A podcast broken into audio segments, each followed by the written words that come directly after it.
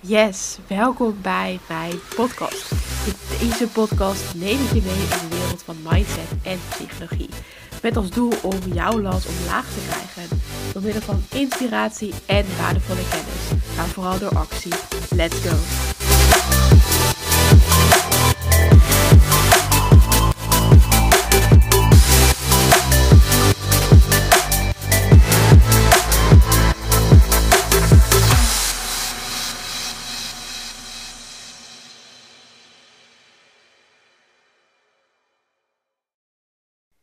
Hey welkom bij weer een nieuwe aflevering van mijn podcast.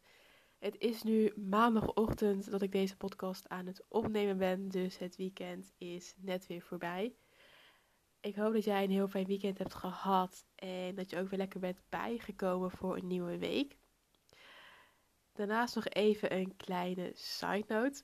Ik kan een klein beetje verkouden klinken of mijn stem kan een klein beetje zachter klinken of uh, ja, boller noem ik het altijd maar dan normaal. Uh, dat, dat kan kloppen. Ik ben ziek geweest en ik ben nog een klein beetje aan het herstellen. Maar ik wilde heel graag wat delen ook vandaag. Dus ik dacht, weet je, ik ga het gewoon proberen. En het hoeft natuurlijk ook niet altijd perfect te zijn. Waar ik het vandaag over wil hebben is een stukje zelfliefde. Gisteren kwam ik namelijk een bericht tegen op Instagram waarin werd verteld over zelfliefde. Uh, dat zelfliefde en in dit geval noemden ze het zelflof de weg naar succes is. En dat het ook de way to go is. En ik vond het best wel oppervlakkig. Want ja, wat is zelfliefde eigenlijk? En hoezo is dit de weg naar succes? En hoezo is dit de way to go? Dus ik wil dit onderwerp vandaag ook gaan behandelen en hier ook een stukje dieper op ingaan. Want ik geloof dat er meer is. Want tegenwoordig vliegen de quotes je wel om de oren. Van weet je, je moet lief zijn voor jezelf. Je moet de lat niet te uh, hoog leggen voor jezelf. Je moet van jezelf houden enzovoort. Maar vaak wordt het ook heel vaak gezegd dat dit moet op de momenten dat het juist goed gaat. Maar ik denk dat er veel meer is. Want houden van jezelf betekent niet dat je dit alleen op de goede momenten ervaart. Ook op de mindere momenten en alles daartussenin. En houden van jezelf is meer dan één keer in de zoveel tijd inchecken bij jezelf. Uh, het inplannen van me-time of positieve dingen opschrijven. want weet je, heel vaak zeggen mensen van: Oké, ik ga die dag vrij plannen, want dan ga ik een dagje naar de sauna of een massage nemen. Maar eigenlijk heeft dat stukje zelfliefde en zelfzorg weinig te maken met het uitgeven van geld. Dus het heeft niet per se te maken met dat je geld uitgeeft aan een massage of aan een sauna. Wanneer we gaan kijken ook naar de kern, dan gaat het ook meer over authenticiteit. En authenticiteit is een stukje echtheid. En ik ga dit ook nog even verder voor je uitleggen.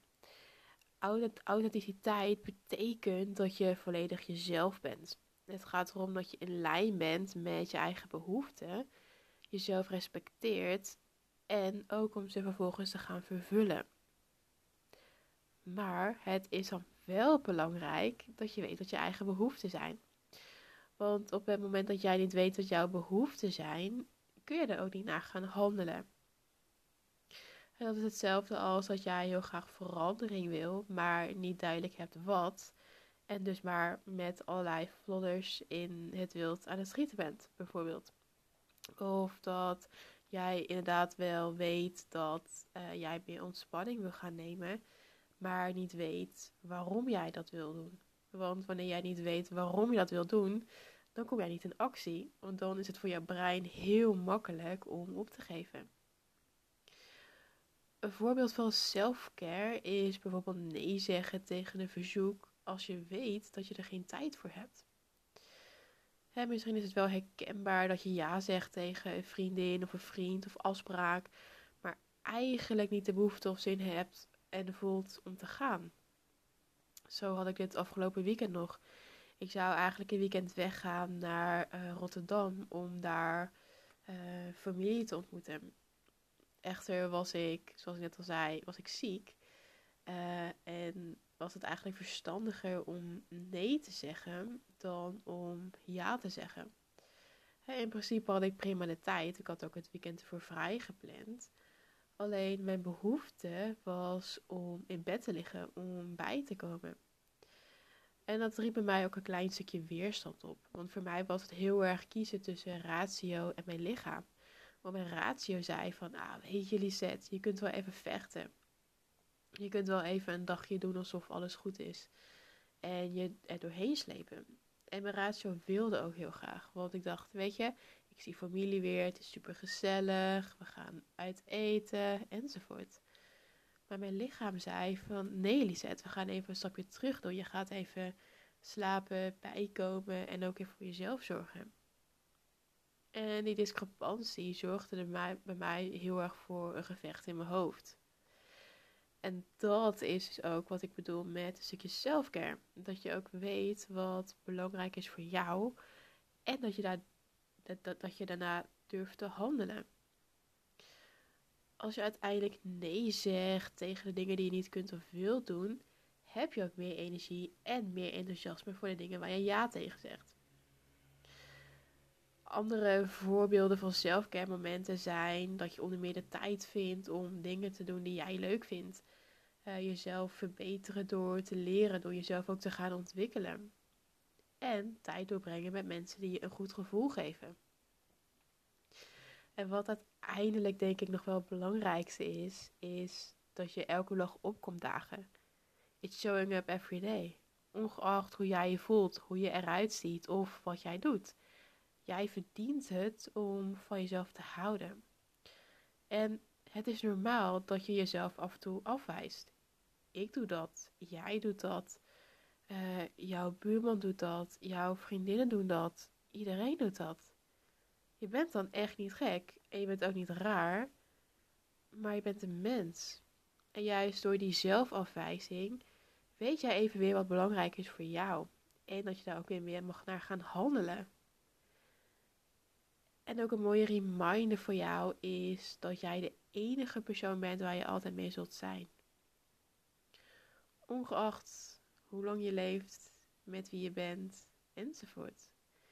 Maar je bent altijd met jezelf en juist daar mag jij je veiligheid vinden. Daar mag jij voor jezelf zijn. Want als jij in jezelf al niet die veilige plek kunt creëren, er voor jezelf ook kunt zijn, voor wie kun je dat dan wel? Want als jij jezelf niet die veiligheid kunt geven en ook niet die liefde, kun je dat ook niet aan een ander geven. En misschien denk je van wel, maar is altijd minder dan dat je denkt. Dus maak de relatie met jezelf prioriteit. Maak daar een goede relatie van. Omdat die relatie er altijd zal zijn, ongeacht wat er gebeurt in jouw leven. Dus ik wil je deze week ook als takeaway meegeven van hoe ziet de relatie met jezelf eruit? Is dat een goede relatie? En zo ja, wat maakt het een goede relatie? En als je denkt van, nou nee, de relatie is net nog niet helemaal zoals ik wil. Hoe komt dat? En welke stappen kan ik vervolgens gaan zetten om de relatie te verbeteren? Wat ik zelf heel vaak doe is brainstormen met mezelf. En dat ik echt gewoon een mindmap ga maken met alles wat er in me opkomt. En dat kun jij natuurlijk ook gaan toepassen hierop. Dus dat je in de midden gaat opschrijven een goede relatie met mezelf. En daaromheen alle punten die voor jou belangrijk zijn. En dat je die vervolgens stap voor stap gaat implementeren. En ook gaat toepassen. Maar onthoud stapje voor stapje elke dag 1% en doe wat voor jou belangrijk is. En heb je zoiets van: ik wil even dat jij meekijkt, stuur me even een berichtje of een mailtje en dan gaan we er samen even naar kijken. Dan wens ik voor jou nu een hele fijne week. Mocht je dit niet op maandag luisteren, dan wens ik jou een hele fijne dag. En tot in de volgende aflevering. Super tof dat je weer hebt geluisterd naar mijn podcast. Ik ben onwijs benieuwd welk inzicht jij vandaag hebt gekregen. Laten we vooral connecten via Instagram en deel jouw inzicht. En wie weet, spreek